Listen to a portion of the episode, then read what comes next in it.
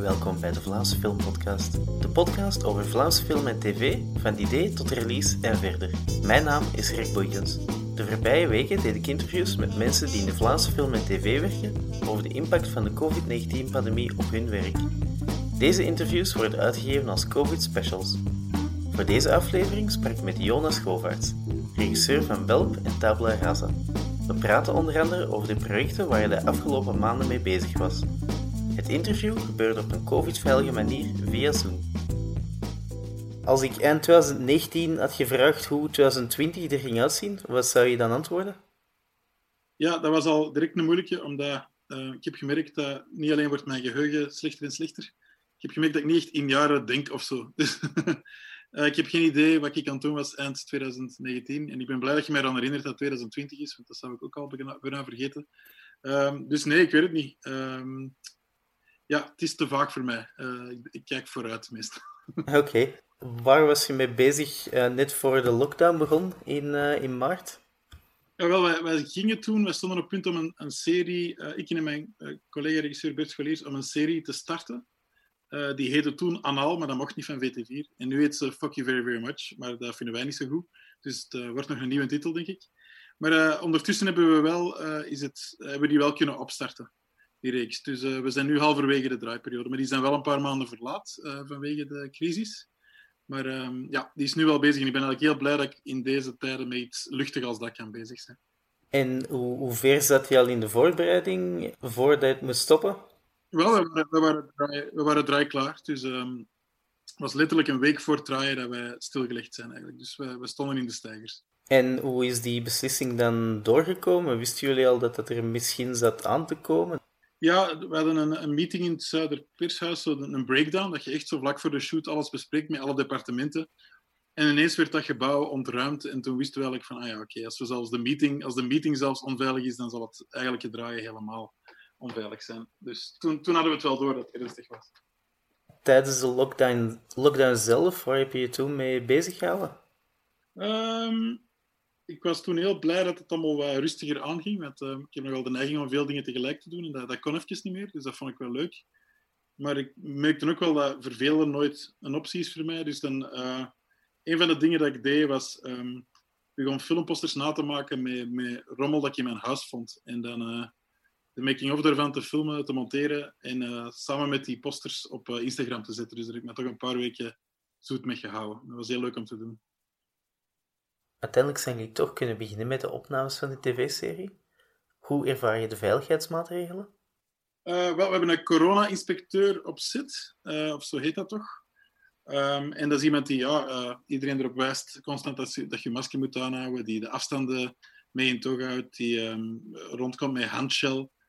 Um, ik dacht dat het dingen hard ging vertragen, maar eigenlijk valt dat heel goed mee. we hebben ook nog maar één keer stilgelegen, terwijl anders sets wel precies moeilijker moeilijkere uh, periodes achter rug hebben. We hebben één keer een week moeten stoppen dat we nu aan het inhalen zijn, omdat er iemand van ons uh, inderdaad ziek was geweest. Maar dan is heel de cast getest en crew getest en uh, we waren allemaal negatief. Dus ik denk dat we vrij veel geluk hebben gehad tot nu toe.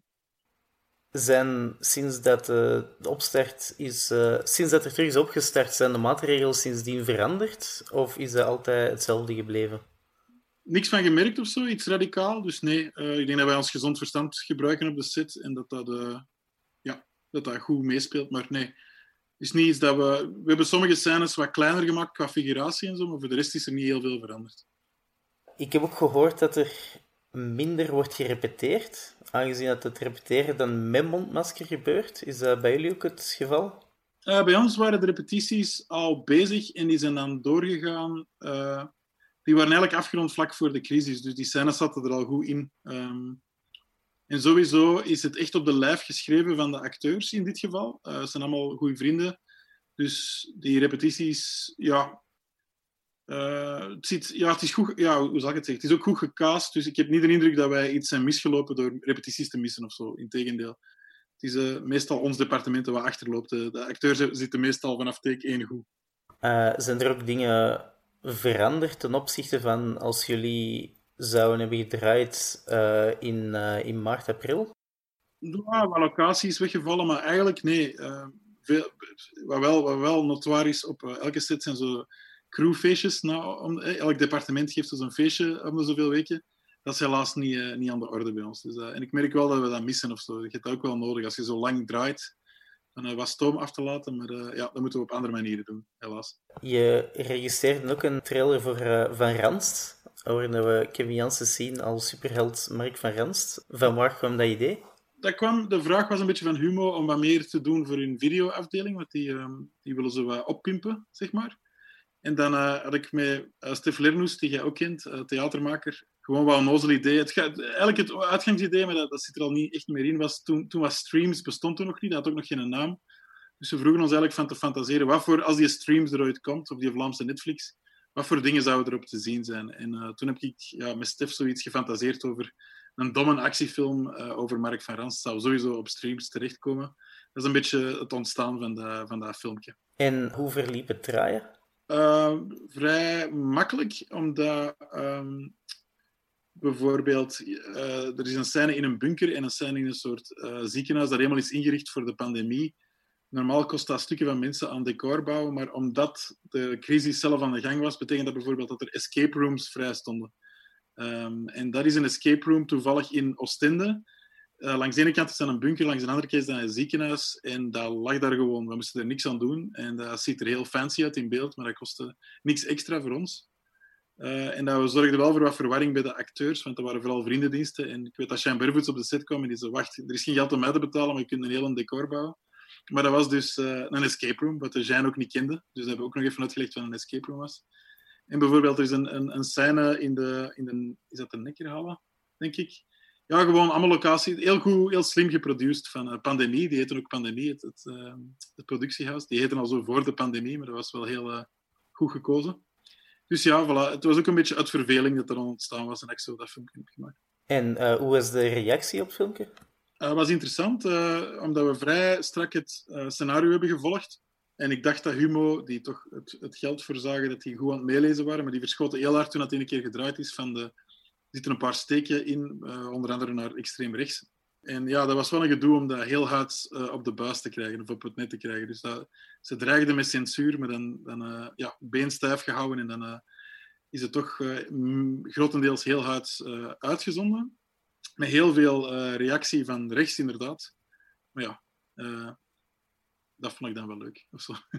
Je werkt ook mee aan het lockdown-project van de Wereldvrede. Hoe verliep dat? Kan je er wat meer over vertellen? Uh, ja, dat was ook iets waar ik mij eigenlijk een beetje tussen gevrongen heb. Want ik denk niet dat ik op de lijst stond van regisseurs die oorspronkelijk gevraagd zouden worden. Maar het was een vrij clever idee van inderdaad de Wereldvrede samen met Electromedia.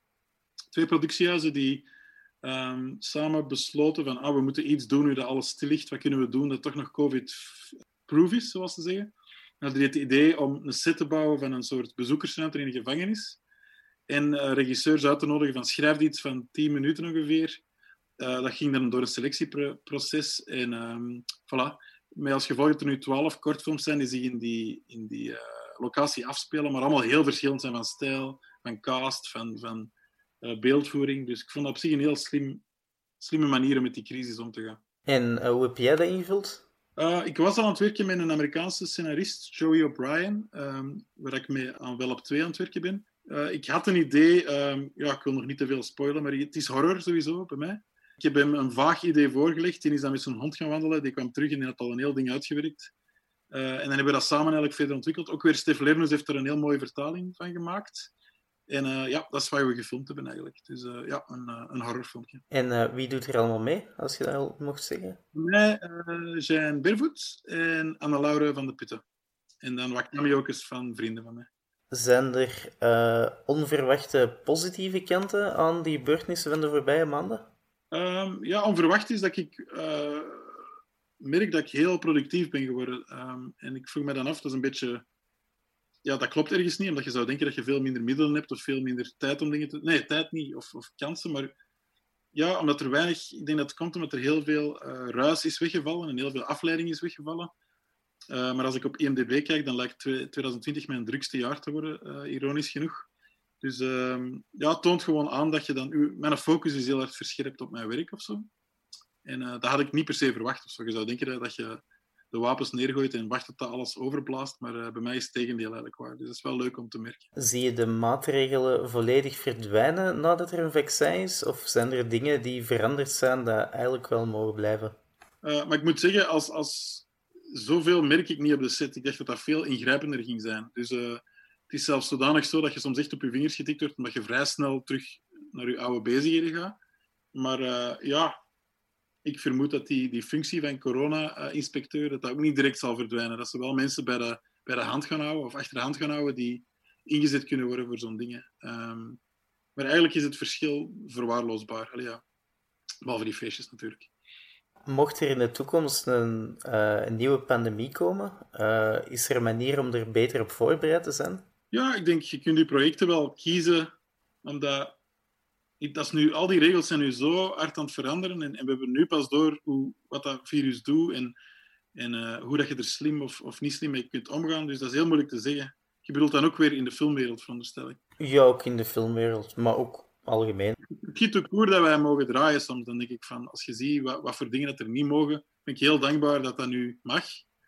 Um, maar ja, ik vermoed dat er vooral uh, projecten zoals die lockdown gaan geschreven worden die eigenlijk covid-proof zijn. Want natuurlijk voor de verzekering, je wilt wel dat je dingen van begin tot eind gedraaid kunnen worden. Dus ik vermoed dat in de schriftuur, gewoon op scenario-vlak, terwijl dat er al rekening mee zou gehouden worden van ah, stel dat die set stilvalt of stel dat die figuranten wegvallen of zo, wat doen we dan? Dus ik denk dat daar gewoon wat slimmer, dat er, ja, ik hoop gewoon dat er niet te veel letterlijk uh, over, over de crisis dingen gemaakt gaan worden, want dat wil niemand zien, denk ik. Ik heb één Zoom horrorfilm gezien die zo een klein beetje inspeelde op de, op de crisis. Dat is gewoon grappig. Ik denk dat mensen daar niet, um, niet aan willen herinnerd worden in hun entertainment per se. Als regisseur die veel met horror bezig is, zie je dan COVID niet snel als onderwerp komen? Jawel, dat gaat sowieso gebeuren. Ik vermoed zoals altijd dat er heel veel slechte corona-horrorfilms gaan zijn. Maar ja, het is, horror is een beetje uh, de thermometer van de maatschappij als het goed gedaan is. Dus ik, ik denk zeker wel dat, dat je er iets slim mee kunt doen, maar het is gewoon, zoek dan een slimme metafoor of zo. Uh, noem het niet rechtstreeks corona of zo, uh, denk ik dan. Dat is bij uitstek het genre om iets te zeggen over dingen die aan de hand zijn, zonder letterlijk te moeten zeggen wat er aan de hand is. Dus niet dat ik de sleutel heb of het verhaal heb, maar ja, heb al wel, ja, Corona Zombies is al gedraaid volgens mij. Ik ga dat niet zien, maar het bestaat al wel. Dus uh, ze, hebben rap, ze hebben rap op een bal gespeeld, denk ik. En het uh, gegeven van de lockdown, waar dat iedereen zo vast zit in zijn eigen huis, is dat iets dan? Nee, ook weer uh, hangt er helemaal vanaf hoe dat je het aanpakt. Er is een, een genre, zo, uh, weet dat, zo, een one-location thriller. Ik vermoed dat er zo een aantal gaan aankomen die, die zich afspelen tijdens een, een pandemie.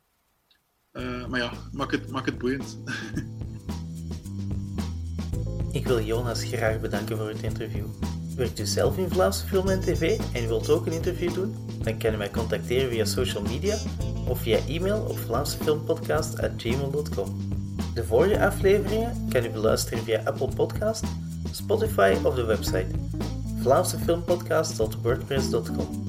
Als u deze podcast interessant vond, kan u het aangaan aan vrienden, deel via social media of een review achterlaten. Feedback is ook altijd welkom. Deze podcast werd gemaakt door Rick Boykes. Dat ben ik. De volgende aflevering van de COVID Specials komt binnenkort uit. Tot dan!